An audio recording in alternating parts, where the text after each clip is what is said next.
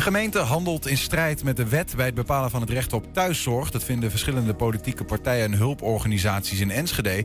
Vanavond staat het op de agenda van de gemeenteraad. Wij verkennen het probleem. Ja, een stoet van een kleine 300 motorrijders reed gisteren van Enschede naar Eibergen en ook weer terug voor het goede doel.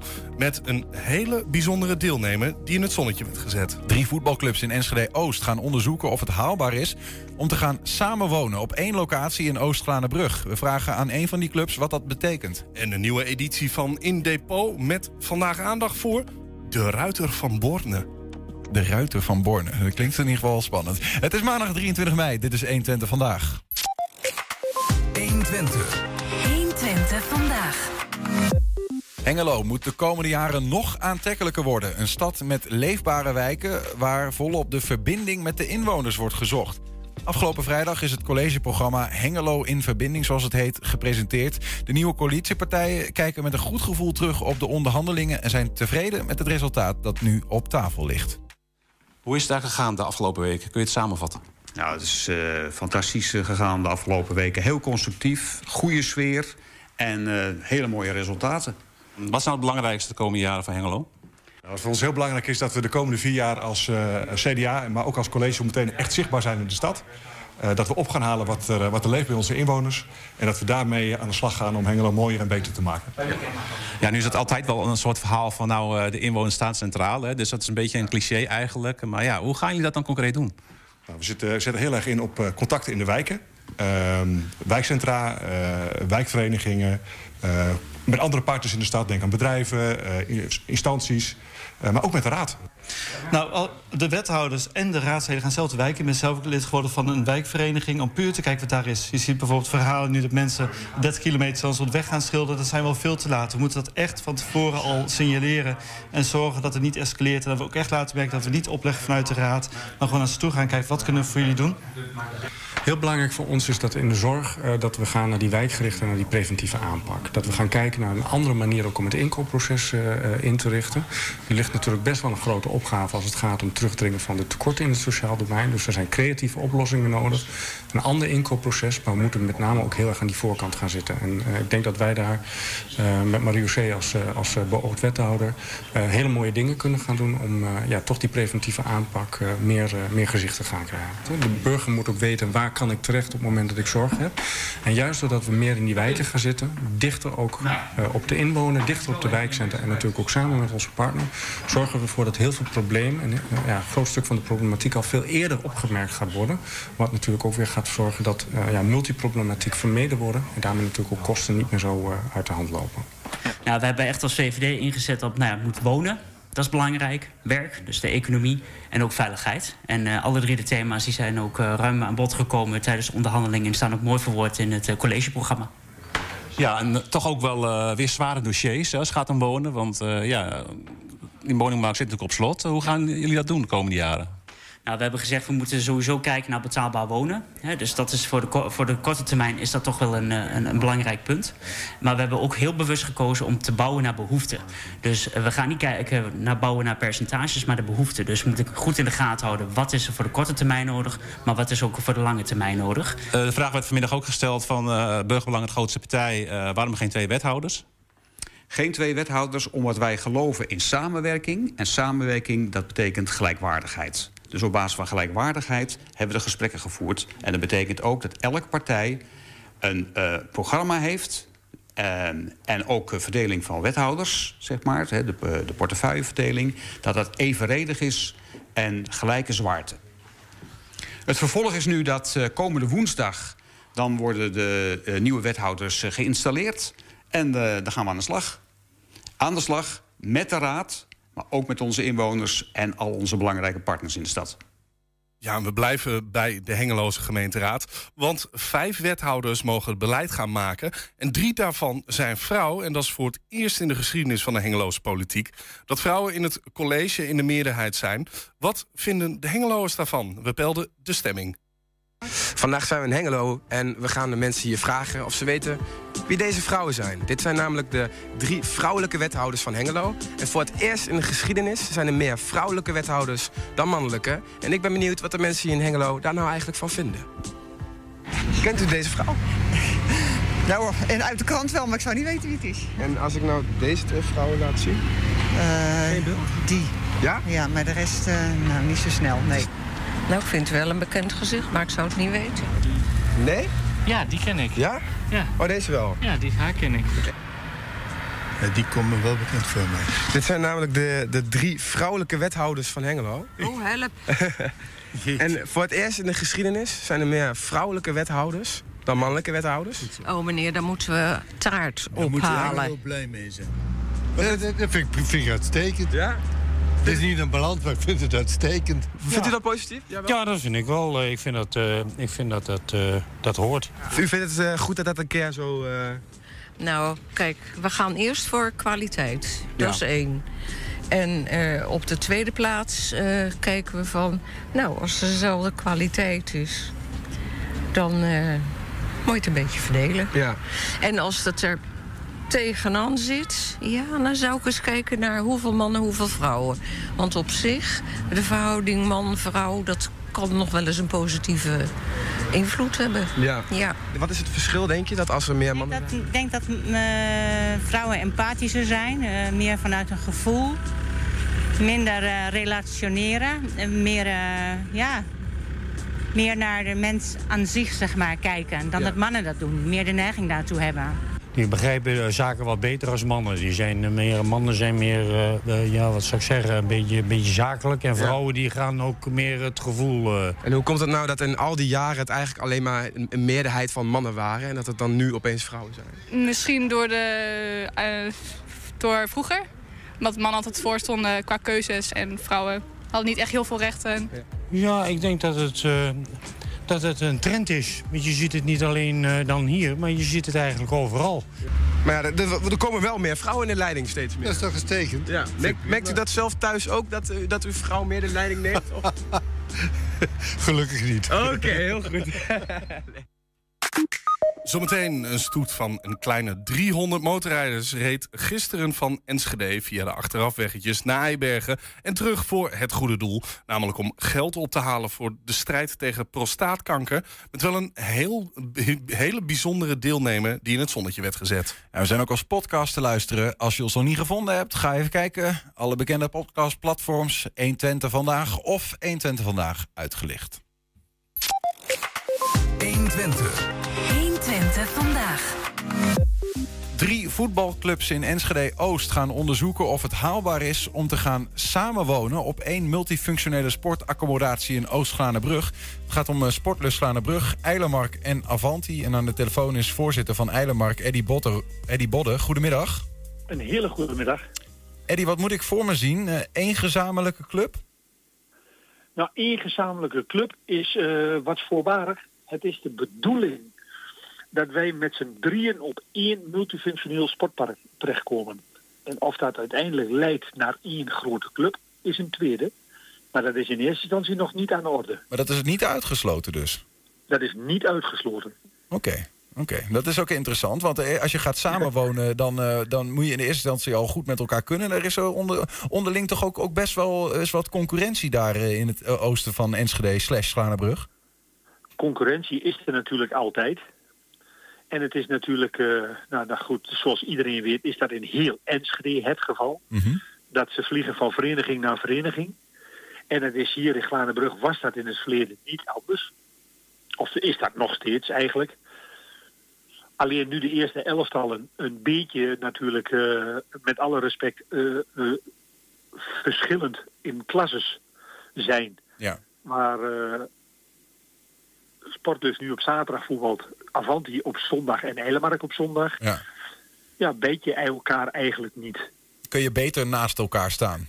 Letterlijk. Hè? Ja, Ja, Wat even eh, concreet gezien, hè? Een, een, een multifunctionele sportaccommodatie. Hoe zou iets er wat jou betreft uit eh, moeten zien, zoiets? Wat moet ik voor me zien, letterlijk?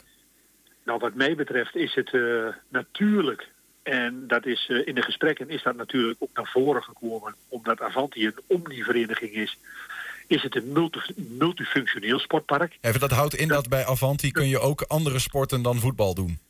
Ja, bij Avanti kan men al handballen, eh hardloop. Hun hebben meerdere takken. Eilenmark heeft alleen maar voetbal. Sportlust heeft ook voetbal. Het maatschappelijke verhaal, dat zit er natuurlijk aan te komen. Daar is Sportlust al mee bezig. En wij zijn daar al mee bezig. En Avanti natuurlijk ook. Ja, wat bedoel je daarmee, Eddie? Dat je, dat je samen die, die, bijvoorbeeld die droom van Glanenbrug, waar we het wel eens over hebben gehad, dat je, daar, dat je, hè, dat je met, met de voetballer, voetballers samen iets voor de stad wil betekenen? Ja, zeer zeker. Ja. Mijn, mijn droom is, dat, en dat is mijn, op mijn persoonlijke titel, heb ik dat ook al een paar keer in een vergadering, gesprekken genoemd. Om te zeggen van, nou wat zou er niet mooi zijn als in een dorp, wij noemen het nog steeds een dorp, de oude mensen uit Vlaanderen eh wat is er mooier als één grote vereniging? En of daar nou korfbal bij in zit of tennis bij in zit, eh, dat maakt allemaal niet uit. En vandaar dat wij ook spreken over een multifunctioneel. Maar goed, betekent dat ook dat bijvoorbeeld jou- jouw club, Eilenmark, dat, het, dat je daar straks ook kunt eh, handballen? Eh, in eerste instantie kun je dan bij Eilenmark natuurlijk niet handballen. Omdat dat natuurlijk een onderdeel is van Avanti. En omdat wij dan nog niet, dat wil zeggen of dat gebeurt, dat weet men natuurlijk nooit. Maar je moet altijd oppassen met wat je zegt. Of het ooit één grote vereniging wordt, dat moet nog blijken. En als het kan en eh, van alle drie de partijen positief wordt ingestemd, dan weet je het eigenlijk maar nooit. En dan zou het maar best kunnen dat je over vijf jaar of tien jaar. Dat het kan. Eilenmark- Ja. Maar dan, is het, dan heet het waarschijnlijk ook geen eilandmerk meer, denk ik. Nee, nee, ik kan me voorstellen. Maar de, eh, goed, eh, ehm, je, bijvoorbeeld ook die- het werken aan maatschappelijke doelen samen voor eh Glanenbrug of voor Enschede Oost. Dat kun je natuurlijk ook vanaf je eigen locatie doen. Eh, het, het, het is niet alleen maar voor de leuk, toch, om samen te gaan. Het, het heeft ook, heeft, Nee, waarom is het eigenlijk? Nou, het is natuurlijk, eh, zoals iedereen weet, in de regio zijn wij al een paar jaar bezig met het noberschap met Avanti. Dat wij heel veel dingen samen doen. Eh, het, het verduurzamen van de complexen bijvoorbeeld, daar hebben wij regelmatig vergaderingen over met elkaar. Van hoe kun je dat bijvoorbeeld met elkaar oppakken. En er komt dan nu eh, een derde partij bij. Misschien ook nog wel een vierde partij, wie weet. Ja. Want een clustering wil natuurlijk niet zeggen dat dat over drie voetbalclubs gaat. Daar hebben ze het nu wel iedere keer over. Maar het kan ook nog uitgebreid worden met een vierde. Maar goed, eh, als je het hebt over, hè, dat gaat ook over verduurzamen van, van, van jullie locaties. Is het eh, soms ook gewoon een ordinaire geldkwestie dat je samen meer kunt dan alleen? Ja, goed, zoals iedereen weet, in Enschede zijn er eh, volgens de, de, de sportaal bijvoorbeeld, hebben wij te veel verenigingen. En te veel verenigingen bedoel ik niet de verenigingen aan zich, maar het gaat om de sportparken die er zijn in Enschede. Zijn er gewoon te veel, vindt de gemeente, waarop bezuinigd moet worden. En als je dan met elkaar op één sportpark het wat compacter. Kijk, wij hebben bepaalde tijden van de week velden niet in gebruik. En dan zou het natuurlijk jammer zijn als een andere vereniging op die dagen de velden zou kunnen gebruiken, waardoor hun veld wordt vrijgespeeld. En dat je dan naar richting gemeente een, een, een- ja, het, het ideale op kunt pakken. Wat Suriojo natuurlijk en eh, Armia en Victoria ook gaan doen straks op Zuid. Ja, precies. Maar dit betekent dus ook dat jullie als voetbalvereniging eh, ook niet, niet veel anders kunnen misschien wel. Want ja, je bent ook een beetje afhankelijk van, eh, van die middelen die de gemeente beschikbaar stelt, toch?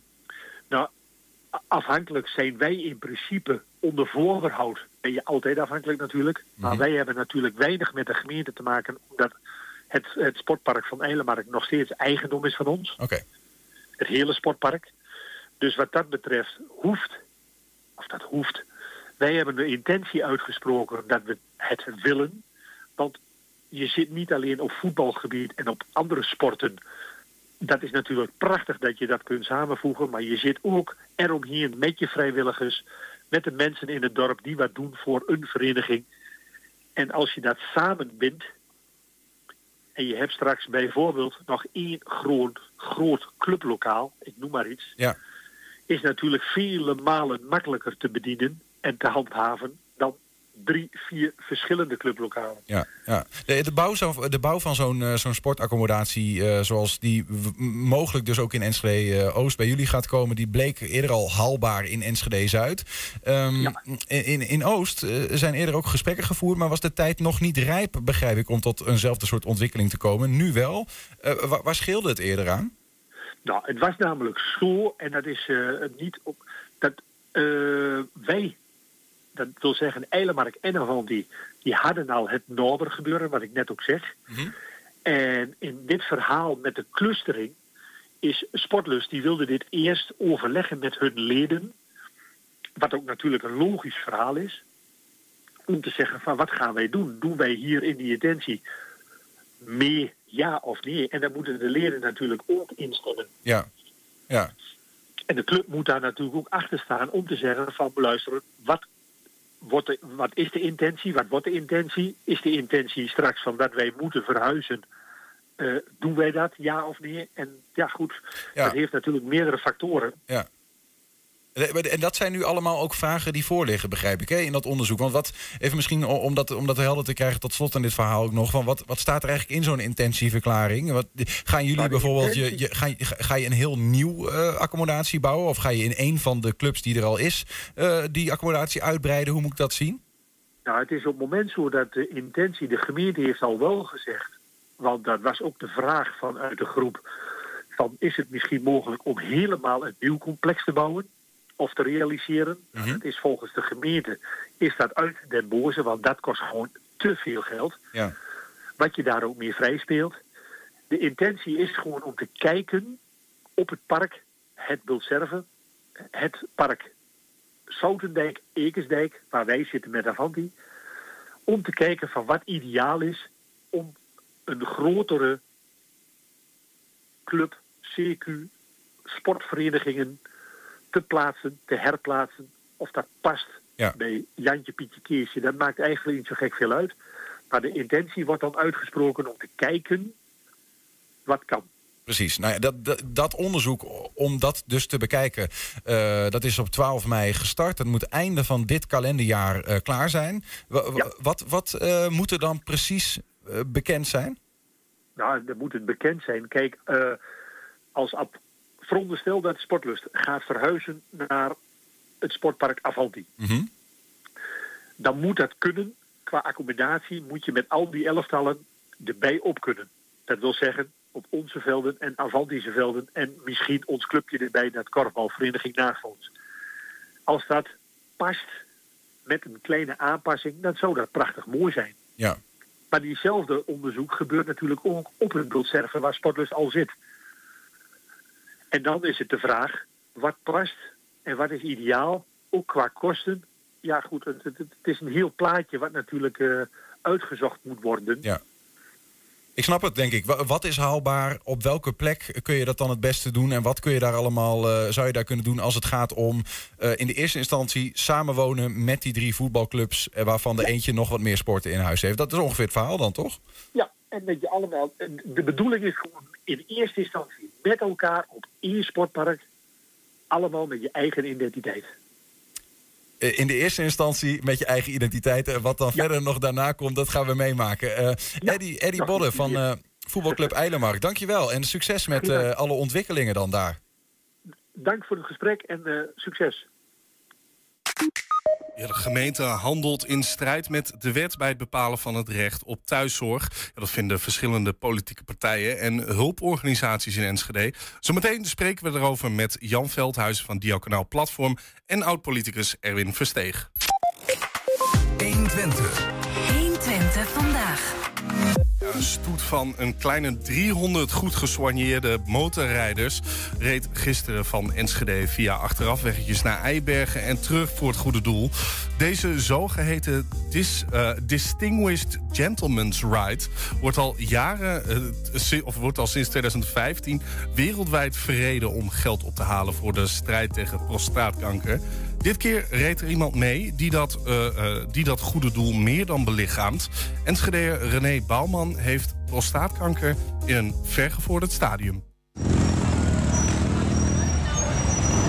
We zien hier 275 fanatieke motorrijders die voor het goede doel hier een rondrit gaan maken. Het goede doel is de Movember Foundation en die staat voor onderzoek naar prostaatkanker en het welzijn van de man. Het is de bedoeling dat iedereen zich netjes kleedt als een echte gentleman of gentle lady. Dat je juist wat positiefs uitstraalt en dat beeld van die motorbende juist helemaal weghaalt.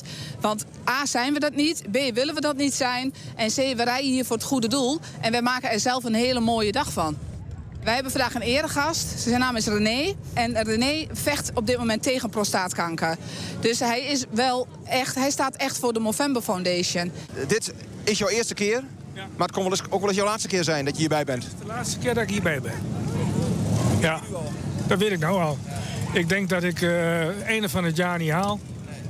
Mijn vrouw heeft de, de organisatie benaderd en ehm, ja, dit kunnen regelen voor mij. Ja, dit is toch een van de laatste leuke dingen die ik kan doen. Ja. En René heeft zelf aangegeven dat rijden voor hem te veel is. En toen heb ik gezegd van, dan kom je bij mij achterop. Dan gaan we dat proberen. Ja, hij is de belichaming waarvoor wij het nu doen. Dus ja, mooier kan het niet. En voor hem en zijn familie natuurlijk een fantastische dag en een geweldige herinnering. Nou, goed doel hè. Ik, eh, ik heb eigenlijk pas afgelopen donderdag hiervan gehoord. Dus ik heb nog niet zoveel opgehaald, maar voor volgend jaar gaat het beter. En eh, ja, dit is natuurlijk eh kicken dit. Nou, wij rijden natuurlijk klassieke motoren. En we hadden zoiets, als er dan mensen mee mogen doen, dan zijn wij het wel. Met daarbij een stukje achtergrond eh, dat mijn vader gestorven is aan kanker ook. Dus eh, dat brengt mij tot deze plek, ja. René, eh, hoe was het? Oh, geweldig. Echt in één woord geweldig. Ja. Het, het, het geweld van de motoren. Het geluid. Die hele grote groep achter je. En dan, en dan eh, af en toe dan, dan eh, werd er ook gas gegeven. En dan... Ja, dat is super. Ja.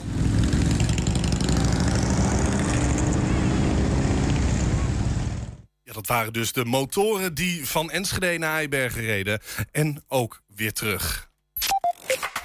120. 120 vandaag. Gemeente Enschede handelt in strijd met de wet bij het bepalen van het recht op thuiszorg. Dat vinden verschillende politieke partijen en hulporganisaties in de stad. En het is al jaren een onderwerp van een verhit politiek debat. Een recent onderzoek van de Enschedeze Rekenkamercommissie bevestigt dat het beleid onduidelijk is en vragen oproept. Vanavond staat het op de agenda van de gemeenteraad. En voorafgaand verkennen wij hier het eh, probleem met verschillende betrokkenen. Om te beginnen met eh, collega Ernst Bergboer. Welkom. Dank je. Ehm, ja, wat, wat, wat speelt er eigenlijk vanavond op die agenda? Laten we daar eens bij beginnen. Nou, dus de, onder andere die uitkomsten van het rekenkameronderzoek waar jij net naar eh, of aan refereerde. En wat er eigenlijk speelt is, ehm, eh, is dat, nou, als ik het even heel kort zeg, dat in, in het verleden werden eh, thuiszorg, hulp in de huishouding, werd in uren, dan kreeg je een beslissing, dus zoveel uren in de week krijg jij hulp. In 2015, 2016, die periode, is Enschede overgestapt naar een ander criterium. Niet meer in uren, maar je huis moet schoon en leefbaar zijn. Dat, eh, een ander, criterium- dat leverde een takenlijstje op van huishoudelijke taken. Zo vaak moet het bed verschoond, zo vaak de ramen gelapt. En dan is je huis schoon en leefbaar. Ja. Ehm, daar is eh, gerechtelijk gedoe over geweest. Uiteindelijk heeft de Centrale Raad van Beroep gezegd... schoon en leefbaar, dat is onvoldoende duidelijk. Er moeten ook uren bij. Er staan nu wel uren bij in die, eh, in die beslissingen daarop. Eh, maar is nog altijd heel erg onduidelijk. Niet te controleren voor inwoners of ze, wel echt, of ze echt krijgen waar ze recht op hebben. Want dat leverde gedoe op, maar ik kan me voorstellen als ik, ik heb geen hulp in de huishouding nodig, eh, nog in ieder geval. ja, Eh, maar dat ik liever een schoon en leefbaar huis heb, dan dat iemand een paar uur in mijn huis komt schoonmaken, want dan weet ik niet wat ik krijg. Nee, dat klopt. Alleen het punt is een beetje... het schone leefbaar is natuurlijk op je, eh, een, een, sub- een subjectief begrip. Eh, wat je in de praktijk hoort, goed, eh, Jan Veldhuizen die heeft daar bijvoorbeeld verhalen van, maar ik heb ook verhalen op straat van mensen ben ik tegengekomen. eh, die zeggen van ja, weet je, ik, ik, heb best, ik heb last van astma, noem maar even wat. En ehm, in de tijd dat ik zelf nog kon stofzuigen, ja, zorg ik toch voor dat dat heel goed gestofzuigd was. Of de plantjes, ik had allemaal plantjes voor mijn ramen staan. Maar mijn thuiszorg heeft toch gezegd van nou haal die plantjes weg. Want het kost te veel tijd om dan die vensterbank eh, Ja, en dan kan, eh, kan ik niet stofvrij. aan die opdracht schoon en leefbaar voldoen. En ik, dus, dus ja, ik, Ja. ik, ik ben best tevreden over mijn thuishulp. Maar, en, en, en- maar ik, je kunt nergens controleren. Dat lukt mij ook niet als ik Mhm. beslissingen zie. Of nou, eh, die, die, die, die uren, of, die, die, die, of dat takenlijstje, of dat nou echt klopt met die uren en hoe dat nou zit. Dus er- die, die controlemogelijkheid zeg maar, op dat geheel, die is er eigenlijk niet. En dat betekent dat de rechtspositie van mensen die thuis, die recht hebben op thuiszorg, die rechtspositie niet onduidelijk is. Schoon en leefbaar is eigenlijk moeilijk te meten. Daar Is, gaat het om. Is, is eigenlijk niet, niet objectief te meten en, en subjectief begrip. Die rekenkamercommissie die heeft eh, onderzoek gedaan. Mhm. Eh, wa- wa- waarnaar eigenlijk? Wat, wat, wat onderzochten zij? Wat concludeerden ze? Nou, ze hebben vooral eh, onderzocht of dat schoon en leefbaar, of dat in de praktijk ook echt werkte. Het idee daarachter is inderdaad dat als jij een periode wat meer zorg nodig hebt, dat je dan ook wat meer zorg kan krijgen. Dat zo'n zorgaanbieder kan zeggen, nou, we, we geven je wat meer uren. En in periode dat het goed met je gaat, dan geven ze je wat minder uren. Dus een flexibel, flexibel omgaan met tijd. Met de gedachte daarachter, en die is op zich niet zo gek, is dat de hulp die er is, en dus ook het geld hè, dat beschikbaar daarvoor is, dat die zo efficiënt mogelijk wordt ingezet op plekken waar het echt nodig is. Ja. Ehm, dat is de gedachte. Eh, ik ben je vraag kwijt. Nou ja, wat die rekenkamercommissie. eh, Oh ja, dus die eh, heeft gekeken naar of, of, of dat in de praktijk ook echt werkt. Ja. En de conclusie eh, daarvan is dat dat in de praktijk eh, ehm, bij de helft van de zorgaanbieders die zeggen dat ze daar redelijk mee overweg kunnen. De andere helft zegt ja, we, we, we, we, we kunnen dat niet.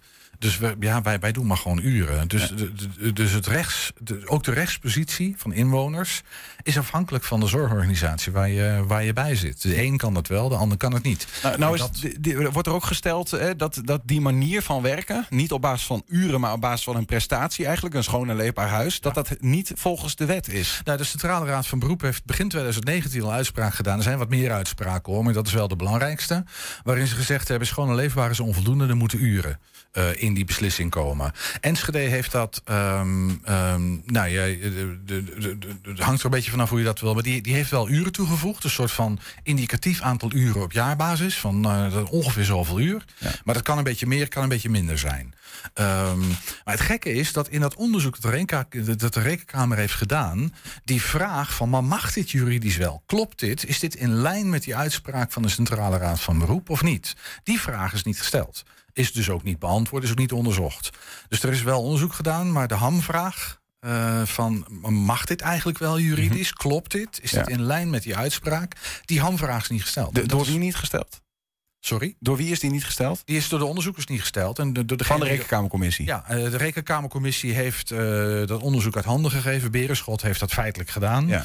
Eh, in de onderzoeksvraag is die vraag niet meegenomen. Dus ook niet onderzocht. Dus wel van werkt het of werkt het niet, maar, maar niet mag het eigenlijk wel zoals wij het doen. Precies. Wat is jouw inschatting? Mijn inschatting is dat, dat, dat, dat dit te vaag is. Als ik de beschikkingen zie, en ik heb er een aantal gezien... kom ik daar als weldenkend mens echt niet uit. Ik heb één beschikking gezien die gewoon niet klopt. Dan, dan klopt het aantal uren niet. En ik heb een aantal beschikkingen... Ik, ik, de rekensom, ik heb geen Eh, idee... een beschikking houdt in dat de gemeente tegen iemand zegt... u krijgt eh, drie uur eh, huishoudelijke hulp Ja, in de week. Ik, ik, ik, ik, doe, ik, heb, ik, Ja. ik, ik, hè, ik, ik, ik zeg, ik heb hulp in de huishouding nodig. Dan komt er iemand bij mij een keukentafelgesprek houden. Die zegt, wat heb, wat heb je dan nodig? Wat kan je nog zelf? En wat, wat heb je aanvullend nodig? Mhm. En dat, dat levert dan een, een beslissing op. Dat betekent dat je zoveel hulp krijgt. en dan schoon en leefbaar. Ja. Dan moet het en leefbaar zijn. Volgens de wet zou het dus ook duidelijker moeten zijn afgebakend. Eh, Je krijgt een x aantal uren per week en dat is voldoende om een schoon en leefbaar huis op te leveren. Ja, kijk, je, je, je, als jij het niet eens bent met je recht, als je zegt van ik heb te weinig of, of mijn huis is te, niet schoon genoeg, dan moet je ergens een soort objectief criterium hebben. Waar je zeggen, ja, maar ehm, ik heb dus een uur meer nodig of zo. En in, in dit geval is, is, is dus die rechtspositie is, eh, wankel voor, eh, voor eh, mensen die, die recht hebben op thuiszorg. Ze zeggen dat mijn huis schoon en leefbaar is, maar Ja, ik maar ben ik het daar vind niet dat eigenlijk eens. niet. Ja. Dus ik vind dat ik. En, maar je kunt niet over uren praten, want ja, dat is maar een indicatief getal. Ehm, aan de lijn is ook Erwin Versteeg. Hij is oud-raadslid van Verbindend Enschede. Erwin, goedemiddag. Goedemiddag. Erwin, je schreef zelf een waarschuwingsbrief aan de huidige gemeenteraad van Enschede... waar je zelf eh, in niet meer in, in deelneemt. Wat staat er in jouw brief?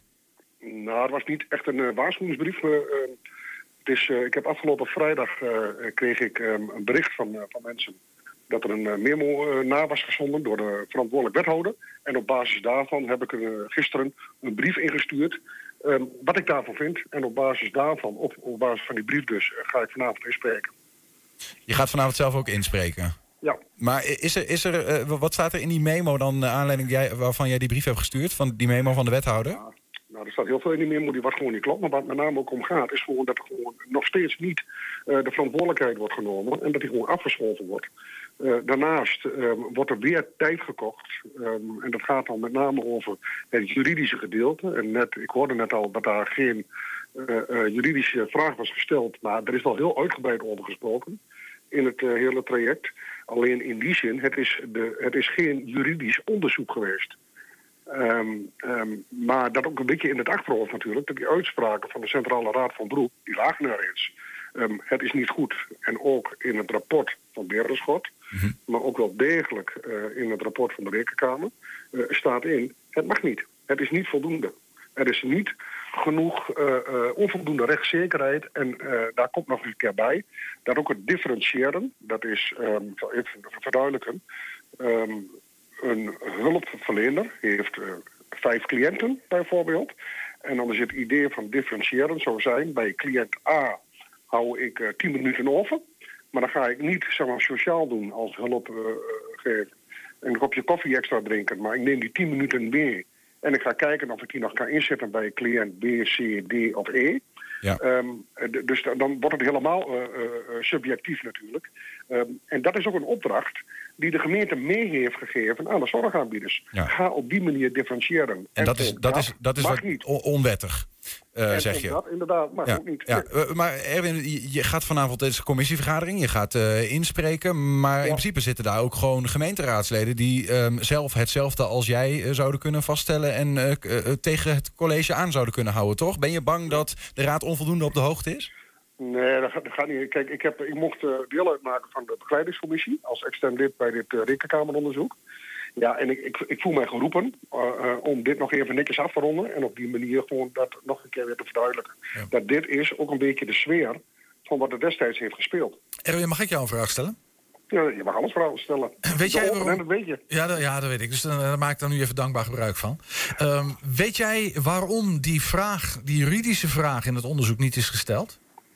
Omdat, ehm, nogmaals wat ik net al aangaf, een beetje ook in, de- in, in het achterhoofd... dat eigenlijk de uitspraken van, van de Centrale Raad van Beroep, die lagen er al. Ja. Eh, maar dat heeft ook een beetje te maken met de samenstelling van eh, de begeleidingscommissie vanuit Berenschot. Op het moment dat vooraf eh, was, ge- was gezegd van het moet een juridisch onderzoek zijn, dan was ook de samenstelling, eh, de, zeg maar, de commissie vanuit Berenschot was anders geweest. Maar- nou, dan maar- zit je altijd weer in de... Snap in ik, de- maar dan de- blijft de vraag... Berenschot heeft een opdracht gekregen. En in die opdracht zat dus niet die juridische vraag. En dat, dat verbaast mij Niet de eigenlijk. check, niet de check. Maar daar is, ehm, kijk, daar is ook voor, van gezegd in een technische sessie die eh, plaats heeft gevonden, eh, even naar mijn hoofd, ik dacht in februari, Mhm. is ook dat nog een keer weer duidelijk aan de orde gekomen.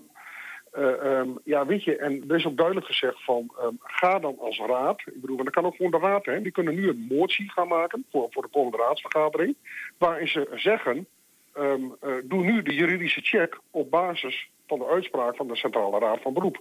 Ook dat is al aangegeven in het verleden.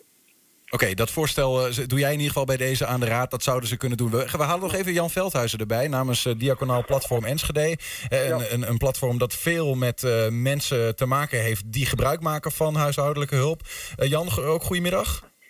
Goedemiddag. Ehm, je stuurde vrijdag een, een brandbrief naar de gemeenteraad. Wat, wat staat daarin? Ja, daar staat eigenlijk in dat de mensen die niet weten hoeveel uren ze hebben. Dus als er bijvoorbeeld een, eh, een onderzoek wordt gedaan naar de, eh, de tevredenheid, dan moet je wel weten waar je dat mee moet gaan vergelijken. En de beste mensen in Enschede die dit allemaal ontvangen, eh, die worden natuurlijk door de hulp eh, echt wel goed geholpen. Eh, laat, laten we daar duidelijk over zijn. Die hulpen die willen ze echt niet kwijt. Maar waar het om gaat, als je vraagt van hoe tevreden je bent, moet je wel weten, hoe kan ik dan ehm, een, een goede maatstaf nemen over hoeveel, uren heb ik het recht en, en eh, worden die uren dan ook zeg maar, goed ingevuld. Op dit moment is het voor de mensen absoluut niet te tracen van hoeveel uren krijg ik dan? En op welke basis kun je dan in vredesnaam in onze ogen een tevredenheidsonderzoek starten? Nou ja, je zou dan kunnen vragen, ehm, heeft u eh, een, een, een, een fijn en leefbaar en opgeruimd en leefbaar huis? En als mensen dat vinden, dan zijn ze tevreden, toch? Nou, dan zeggen de mensen tegen ons, eh, ja, hoeveel punten krijgt de, de, de hulp? 100 punten. Maar bent u, bent u ook tevreden met- met het huis wat, of het schoon is? Ja, dat is een andere vraag. Maar daar kan de hulp niks aan doen. Want die krijgt de uren niet. Dus met andere woorden, is net zo subjectief als alle andere onderzoeken. Dat de, de, degene die ondervraagd wordt, die weet gewoon niet waar hij het over heeft. Maar ligt er ook een gedachte onder dan dat de, wat ik hoor je zeggen, die schoonmakers krijgen te weinig uren, dat er eigenlijk onder het mom van een schoon en leefbaar huis ook te weinig uren worden gegeven? Zouden het, als je het dus op basis van het aantal uren doet, dat het aantal uren van heel veel mensen omhoog moet? Nou, weet je wat de ellende is? Ehm, op dit moment zijn er 5000 mensen bij de zorgcentra die niet geherindiceerd zijn. Dat is voor misschien een, aantal mensen helemaal nieuw, maar dat hebben we Wat betekent dat, Jan? Ik onderbreek je even. Geherediceerd, wat bedoel je daarmee? Ik bedoel daarmee, dat, eh, om de zoveel tijd, als je ouder wordt, dan word je, ja, dan word je zo, wat, wat minder. En dan word je om de zoveel tijd, krijg je een zogenaamde herindicatie. Dan moet iemand van de gemeente, en niet van de, van, van de zorgcentra, moet daar komen voor een keukentafelgesprek en vragen van, hoe gaat het met u? En als ze dus allemaal ouder worden, zouden ze dus eigenlijk ook allemaal meer hulp moeten hebben. Ja. Maar de laatste vijf jaar zijn 5000 mensen niet gevraagd of er nog meer hulp nodig is. En dat is wel wettelijk verplicht. Is niet volgens een herindicatie. Maar Dat is wel een wettelijke verplichting, Jan. Dat de gemeente Dat dat. is een, wet, is een wettelijke verplichting. Ja. Dus, dus Dit- ook daarin zeg je, wordt de wet niet nageleefd. Ja, la- la- laat ik duidelijk zijn. Ik, ik vind het heel erg als mensen heel goed hun best doen om eh, toch iets voor elkaar te krijgen. Eh, ik, ik vind het prima dat, eh, eh, dat er eh, innovatieve gedachten zijn. Maar uiteindelijk zijn we nu drie jaar over de datum, de houd, houdbaarheidsdatum. In 2019 is al uitgesproken dat dit niet kan en niet mag. Ja. En dat betekent dat de, dat de gemeenteraad eigenlijk zou moeten zeggen, dit moet van tafel. Eh, morgen eh, en liefst gisteren kregen die mensen uren toebedeeld. En ook de zorgcentra worden op een andere manier vergoed. Moet wel bij- dit zo doorgaat, Mo- moet wel bij als worden. dit ge- zo doorgaat, Ja.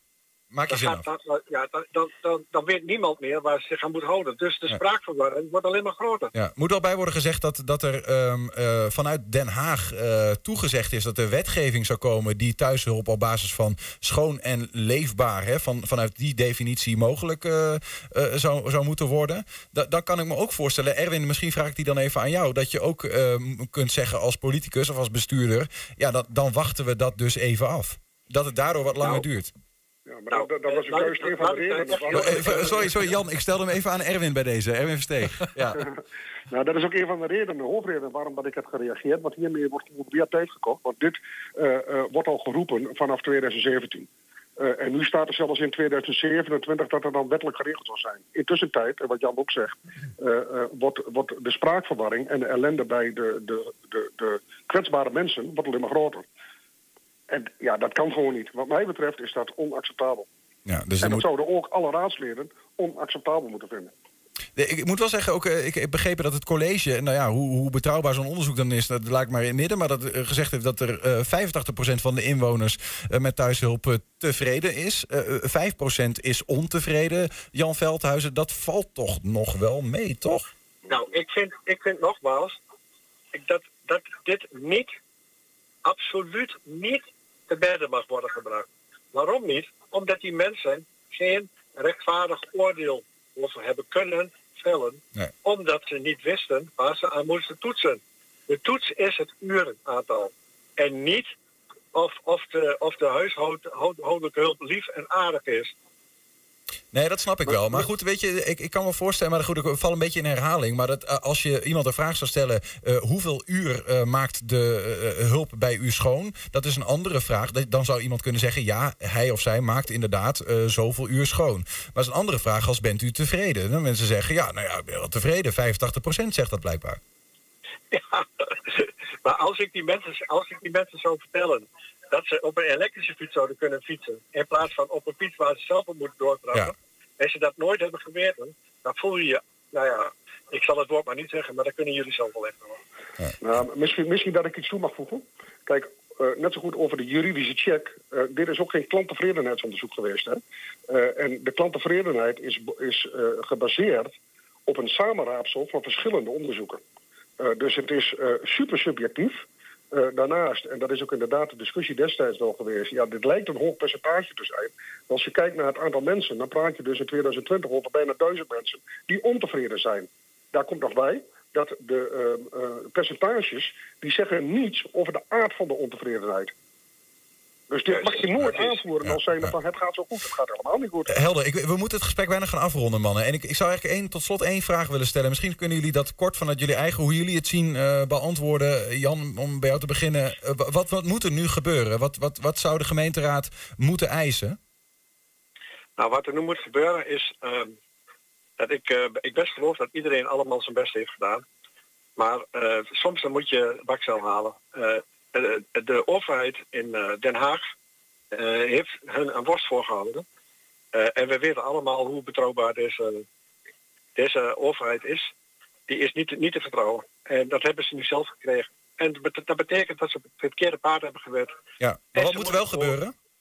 En ze, moet, en ze moeten nu gewoon uren uitschrijven en het gewoon met de zorgcentra regelen op de manier zoals het staat in het arrest van Ja. de uh, Centrale Raad van Beroep. Helder, dus, dus op basis van een eh, vast urenaantal... en dat urenaantal moet, moet kloppen bij de, bij de juiste indicatie, hoor ik eigenlijk. Ja, Ja, ook ehm, zoals andere gemeenten dat doen. eh, Erwin, wa- wa- wat jou betreft? Ja, helemaal eens. Je moet je gewoon aan de uitspraak van, eh, van de Centrale Raad van Beroep houden. Dat is de uitspraak en daar heb je je gewoon aan te houden. En mocht er nog een zijn, ja, dan kun je gaan zeggen van doe een motie zoals we net al aanhaalden. Over een juridische check, dat kan allemaal prima. Maar kost alleen maar meer tijd. Hou je gewoon aan de uitspraak van de rechter. Nog iets toevoegen, Ernst? Of, eh? Nee, ik, helder denk ik. Eh, ik. Ik weet dat het Diaconaal Platform eh, heeft gevraagd ehm, om betrokken te zijn bij eh, beleidsvoorstellen, ook vanuit het college, om mee te denken. En ik begrijp ook uit de brief die Jan Veldhuis heeft gestuurd, maar als ik het verkeerd heb, Jan, dan corrigeer je me maar, is dat dat ook niet echt gebeurd is. Hè? Dus dat het college toch weer een eigen koers vaart. Ehm, Dus ik ben benieuwd wat er vanavond gaat gebeuren. Ik ben erbij, dus ik zal er wel verslag van doen. Wordt vervolgd. Oké, doei doei. We gaan het eh, terug kunnen lezen allemaal. Jan Veldhuis, eh, Erwin Verstegen en eh, Ernst Berghoe. Dank jullie wel. En eh, nou ja, later terug te lezen. Jo. Graag gedaan.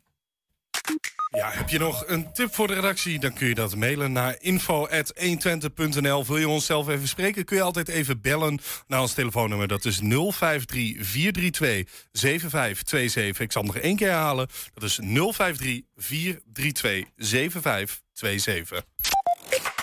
120. 120 vandaag. In Borne werd een van de meest opzienbarende vondsten uit de tijd van Karel de Grote gedaan. In 1987 troffen archeologen daar restanten van een nederzetting en die van een begraven handlanger van keizer Karel. Een grafvondst, ruitersporen waren dat, een landspunt en een tweesnijdend zwaard. En een handvol munten afkomstig van steden in heel Europa.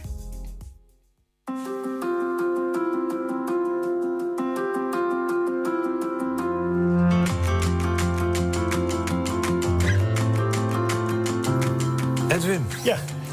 Daar staan we weer bij een van de glazen kasten. Ja, ja open dat is depot. oneerbiedig eh, uitgedrukt. Ja, wij noemen het open depot. Ja, het open Ja. depot. Ja. Ehm, en het gaat om wat hier staat, volgens mij. Hè? Ja. ja. En die, het geeft al aan de middeleeuwen. eh, Ja. Globaal. Ja, ja. Dit wat hier ligt, eh, kun je dateren ongeveer op 800 na Christus. Dit komt uit Borne. Oké. Ja, ja. En eh, in de volksmond heet het de ridder van Borne. En eh, wij noemen het de ruiter van Borne. De ruiter van Borne. Ja, ja. Het is duidelijk een ruiter. Want? Nou, oh ja, we, hebben, we hebben hier eh, de sporen. Ja. En, en, en, dit is, en dit is gevonden in Borne? Ja. Ehm, hoe, hoe- hoe, is dat, hoe, is dat, hoe is dat gevonden? Bij twee agrarische eh, gebouwen. Eh, dus, dus waar de, de, rest- de, het was een opgraving. Ja. En eh, eh, eh, nou, dan ga je graven. En dan hadden ze wat dingen gevonden. Vind je de contouren. Ging je, ga je wat graven, vind je een oude put. Hè, met een emmertje erbij. Ja, ja. Echt een houten emmertje, joh. Ja, dat is een emmertje. Ja, hier horen nog van die duigen omheen. Zo van die, Ja, van ik die zie ringen, zo, van die metalen ringen. Die daar 1200 omheen. jaar oud. Ja, dat is een emmertje. en er was een van die mannen die ging graven en die vond klompen met ijzer. En die is daar verder gaan graven van, nou, wat ligt daar nog meer bij? Ja. Zich niet realiserend dat hij echt een uniek stuk heeft... wat echt van grote historische belang is. Dus dit was een archeoloog? Die wist Amateur- dat hij, amateur- amateur-archeoloog, maar die wist dat hij op een archeologische vindplaats aan het zoeken was. Ja, ja, ja. ja. En die vindt klompen metaal heeft niet in de gaten dat er iets bijzonders eh, ligt. Ja, hier. wat, wat je nu ziet is natuurlijk na restauratie. Hè, nadat alle Ja. roest eraf Ja, gebikt snap is. En, eh, en dat zie je in eerste instantie niet. En helaas, eh, dit, hij, hij vond gewoon een graf. Oké. Hij vond een graf. En, en misschien was er nog wel meer te vinden. Bijvoorbeeld een lijksilhouet. Hè, dus de verkleuringen. Dat je kan zien hoe iemand heeft gelegen. Hoe weet je dan dat het een graf is? Ehm, nou, omdat dit wel in een bepaalde volgorde ligt. Hè, dus dat zwaard ligt dan zo. En dan die speer ernaast. En die sporen. En eh, je hebt een builtje met geld. Wat Dus dan een daar soort hoort. rituele begrafenis, Ja, zeg maar. ja, ja, ja. En dat, eigenlijk op de eh heidense manier. En hij is op dat erf, hij is op zijn eigen erf begraven. Ja, dat weten we natuurlijk niet. Nee, oké, maar hij is in ieder geval niet op een begraafplaats of zo. Want Nee. die dateren ook uit die tijd. Nou ja, want het wonderlijke is, eh Karel de Grote die had de verordening gedaan. Hè, want wij, aan de hand van die munten die in zijn tasje zitten... kun je het heel nauwkeurig dateren. Oh ja, want dit, dit, dit, dit- is een. Ja, dit nam niet mee naar het hiernamaals. Nou ja, Ja. daar komen we zo meteen wel even Ja, op. ja. Maar je weet dus aan deze munten precies. daaraan, weten, daaraan weten we dat vrijwel exact jaar 800 hoe- Ja, dat precies. dit was. Maar wat, dit dan, wat, wat hij precies was... Hij, hij was dus een, een, een, een edelman. Of een, nou, iemand van Een betere, betere komaf, komaf. ja. Hè? Want je, wat had je? Je had Karel de Grote, die had allemaal, leen, allemaal gebiedjes. Daar zaten leenheren. En als er dan eh, gedoe was, dan werden die opgeroepen. Die moesten mannen onder de wapens doen. Nou, zo'n wapenuitrusting is hartstikke duur. Hè? Dus dan, ja, je moet toch wel enig vermogen hebben. Eh, en die werden opgeroepen. En die moesten oorlog gaan voeren. Of die moesten de orde herstellen. Eh, die werden opgeroepen. Nou, en net als in het Romeinse Rijk, als er een bepaalde diensttijd erop zat... Dan, eh, dan kregen ze vaak ook een stuk land als, als bedankt. Dus misschien is dat gebeurd. zou dat, hij, dat hij gewoon dienst gedaan heeft bij een van de leenmannen van Karel de Grote. Ja, en zijn wapenrusting nog had. En zijn wapenuitrusting nog had. Ja. En eh, een stuk grond bij Borne gekregen heeft met een paar boerderijen. Of een boerderij en een schuur. En, ehm, eh, eh, en daar uiteindelijk bij zijn boerderij begraven is. Ja. Maar kan je aan dit geld nou. Is dat ook een indicatie van hoe rijk hij geweest is? Hoe, weten we hoeveel dit, Ja, ja ze welke hebben, waarde ze, dit ze hebben dit, dit, dit nagekeken. En van wat hier ligt, hè, dat is, nou, het, is, een- het is een geldbuideltje vol. Ehm, eh, maar je kan het twee varkens verkopen. Twee varkens. Ja, ja in die Is- tijd. Ja, Ja, En- dat, klinkt niet als heel veel, Nee, nee, nee. nee maar ook niet niks. Het is, nee, nee, nou ja, precies. Bij, qua schat, zeg maar, is het... Je kan niet zeggen het is echt een schat die je dan vindt. Nee. Eh, maar met dat geld is nog wel wat wonderlijks aan de hand. Want er is geen eh, munt hetzelfde. En deze munten die komen uit heel Europa. Dus die komen uit Frankrijk, Zuid-Frankrijk, Noord-Frankrijk, Italië. Nou ja, dan hebben we nu natuurlijk ook een monetair stelsel. Waarin je, als ik mijn portemonnee open doe, heb ik daar euro's uit allerlei verschillende Ja. eh, Ja, aan de Europese Unie verbonden landen. Klopt, maar, nu, maar nu is het heel normaal om met geld te betalen. Dus, dus, En in die eh, tijd was en die tijd had je, ruilhandel. had je ruilhandel. Ja. Je ruilde een va- varken voor wat anders. Ja. Dit soort wapengraven uit die tijd die, eh, eh, zijn er nauwelijks zo compleet. De, je valt, er valt aan de ene kant weinig over te zeggen, van het is allemaal speculatie. Aan de andere kant, ja, er ligt ook wel het een en ander en er liggen ook wel wat, wat feiten. Dus, eh, eh, en dit in deze vorm is in Nederland zeer zeldzaam. Dat vind je bijna, bijna niet, ook niet over de grens. Dus het is echt heel erg bijzonder wat hier ligt. Ja. En oud, 800 Ja. na Christus, 1200 jaar oud. Ja. Mooi man, en dat ligt hier maar gewoon in het... eh, Ja, het ligt een beetje verstopt eigenlijk. Dus daarom dacht ik van, ik ga hier een keer de nadruk op doen... want het is eigenlijk wel, ja, echt wel heel bijzonder. ja. Mooi man, dankjewel. Graag gedaan. Ja, de begrafenis van die eh, Bornse ruiter... die vertelt ons ruim 1200 jaar later dus iets over zijn leven en tijd. Eh, De vraag is een beetje, wat zullen de mensen over 100 jaar... Hè, anno eh, 2122 eh, over ons eh, vertellen... als ze onze graven eh, misschien vinden? Wat we- nemen wij mee? Of misschien juist over, over een duizend jaar. Ehm, aangeschoven bij ons is Roberto Verleun... uitvaartverzorger bij eh, Edwin Kist. Ehm, welkom. Goedemiddag. De- Je, je hebt eh, jaren ervaring als het gaat om eh, nou ja, mensen helpen in hun laatste gang eh, naar het graf. Eh, dat is ongetwijfeld omgeven altijd van rituelen, zoals we dat kennen. Ja, klopt. Hoe, hoe belangrijk is dat eigenlijk, zo'n zo'n ritueel? Ja, je hebt diverse religies. dus ja, alle religies hebben wel hun eigen rituelen daarbij. Je ziet ook heel veel eh, religies die, eh, ja, die dus daarin hun eigen uitvaart on ondernemers hebben. Die speciaal voor die religies eh, de uitvaarten verzorgen. En, ja, en toch kom je dat soort dingen steeds meer ook tegen in het land. En, ja, wat, wat, wat, wat wij hoofd, hoofdzakelijk doen, het is gewoon de- eigenlijk de begrafenissen zoals het in, meestal in Twente gebruikelijk is. Hè, dus eh, het is voor de, echt de Nederlandse religies. Ja, ja. En dit- maar dat betekent eh, vooral eh, soms een kerkdienst. Kerkdienst ehm, met aansluitend begrafenis op een parochiekerk of, of, of gewoon alleen begraven of naar een natuurbegraafplaats toe. Ja. Kijk, als je echt de religies van uit Azië en dergelijke hebt, ja, net, net zoals ik net al aangaf, die hebben hun eigen uitvaartondernemers die daarin gespecialiseerd zijn. Ja. En die daarin, eh, ja, dat, die, die mensen die zullen ook die uitvaartondernemers vaak inschakelen. Ik ben wel benieuwd of er bij jullie ook wel eens een eh, nou ja, toch wat aparte, misschien wat apartere begrafenisvraag eh, ligt. Bijvoorbeeld, we- zien nu in die video die we net zagen, die man is begraven met een lanspunt en een, en een zwaard of zo. Ja. Is, heb je wel eens iemand met een zwaard samen begraven? Nou, niet, niet met een zwaard, maar bijvoorbeeld wel met een biljartkeur. Eh biljartballen of een golfbal. Eh, iemand die, eh, ja, die, die van het biljarten hield. Dus ja, ja, dan zoiets van de biljartkeur moet mee. Ja. de biljartballen moeten mee, want ja, hij moet toch nog kunnen biljarten. Een stukje persoonlijker is dat misschien wel dan gebruikelijk Ja, is. Het is eigenlijk meer een, persoonlijke, eh, meer, meer, een persoonlijke tint Mhm. dan dat het echt een gebruikelijke tint is. Ja. Is het daar een, een bepaalde beweging in eigenlijk? Dat mensen van een meer algemene nou ja, manier van begraven naar kijken naar wat minder individualistisch. Wat vind ik zelf eigenlijk mooi en hoe wil ik ter gave gedragen worden? Ja, je, je ziet ste- tegenwoordig steeds meer dat er veel meer eigen eh, inbreng is van de nabestaanden. En eh, ja, en ze, en ze vragen soms, God, mogen we dit meegeven in de kist? En dan, eh, ja, is prima. Kijk, als, eh, wat, wat ik wel heel eh, belangrijk vind, is eh, ja, dat je ook wel een beetje het milieu eh, natuurlijk eh, in acht houdt. Ja. Maar in principe zijn mensen gewoon vrij in eh, wat, ze, wat ze mee willen geven aan de nabestaanden. Hoe komt dat, denk je, dat, dat, er, dat, er, ehm, ja, dat er wat meer wordt gekeken naar van wat wil ik zelf eigenlijk meenemen mijn graf in? Ja, dat uitvaarten steeds eh, persoonlijker worden. Ja.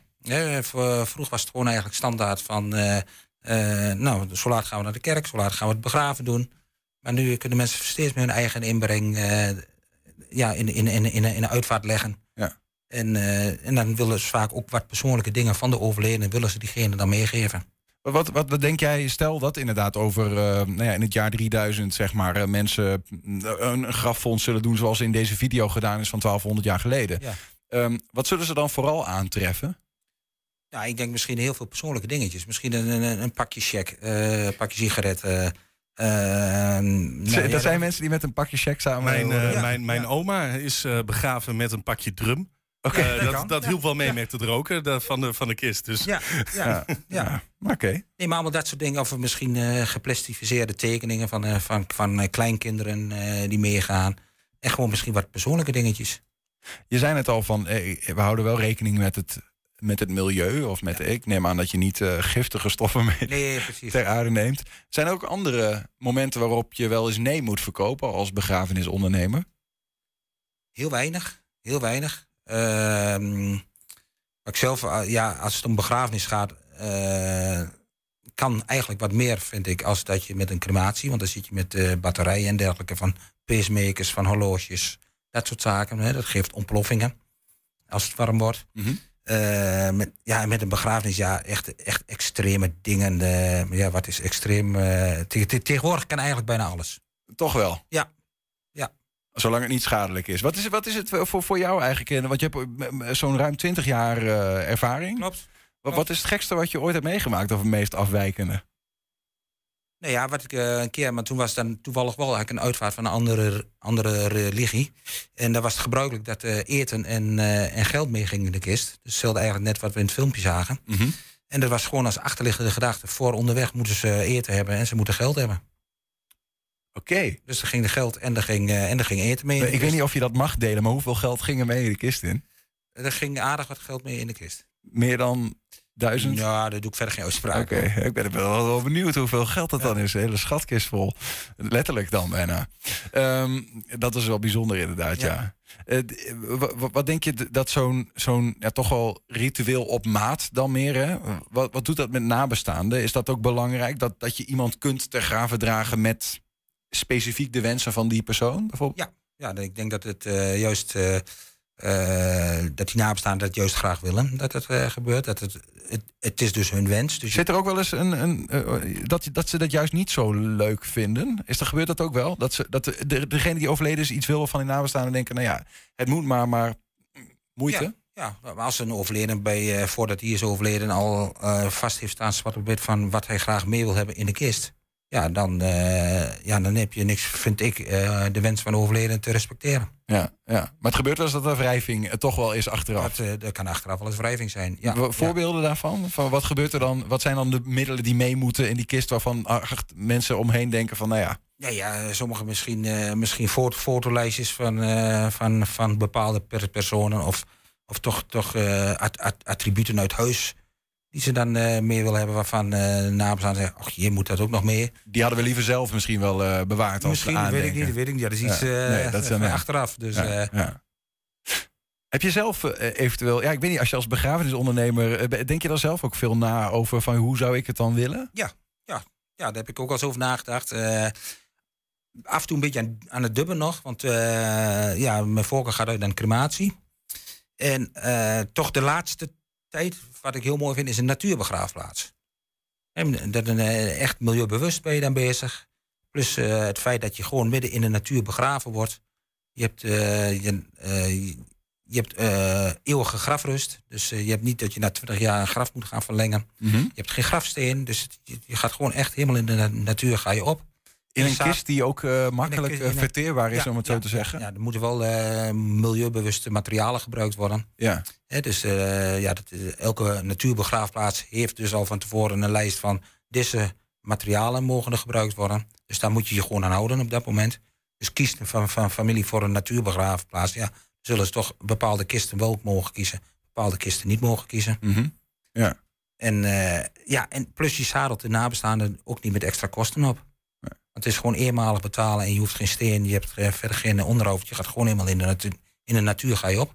Is het ingewikkeld trouwens om als begrafenisondernemer, want je bent toch zo de hele tijd met de dood bezig. De- eh, Word je op een dag soms wakker dat je denkt, heb het moet weer. Nee, nee, ik vind het, eh, wat ik mooi eh, aan het werk vind, is dat je gewoon wat voor de nabestaanden kunt betekenen. Je kunt dingen voor hun regelen, ze zijn tevreden. En ja, en daar doe je het voor. Dat is gewoon, ja, dat is gewoon een, eh, een gevoel wat je erbij hebt. Dank eh, voor, voor het werk, want het is nodig. En eh, ik bedoel, eh, de, de, fijn dat er mensen zijn zoals jij die dat ook willen en kunnen doen. Ehm, en ook voor je, voor, ja, voor je uitleg, een beetje een inkijkje in de wonderenwereld Ja. van het begraven, of Ja. dan wel de begrafenisritueel. Ja, ja. Maar ja, goed, nogmaals, heel veel rituelen liggen gewoon bij, bij ondernemers die daarin gespecialiseerd zijn. Die, dus elke bevolkingsgroep heeft zo hun eigen ondernemer. Ja. Nou ja, Dus- wellicht moeten we voor een volgende keer eens kijken bij een, eh, een, een ondernemer die het in een heel andere eh, religie doet, bijvoorbeeld. Ja, Dat kan, dat kan. Alberto Verleun, eh dankjewel en eh, succes met je werk. Ja, graag gedaan. Ja, en daarmee sluiten wij 120 vandaag af. Terugkijken, dat kan direct via 120.nl. En vanavond om 8 en 10 zijn we op televisie te zien. Zometeen kun je hier op de radio gaan genieten van Henk Ketting met een gloednieuwe kettingactie. Veel plezier. 120. Weet wat er speelt in Twente. Met nu het nieuws van 5 uur. Goedemiddag, ik ben Robert-Jan Knook. Het lukt Oekraïnse vluchtelingen vrij makkelijk om in Nederland een baan te vinden. In drie weken tijd is het aantal werkende Oekraïners meer dan verdubbeld naar ruim 10.000 en het blijft groeien. Vooral in de Randstad is er werk voor ze en dan met name in de horeca en in de land- en tuinbouw. De zes mensen met apenpokken in ons land zijn mannen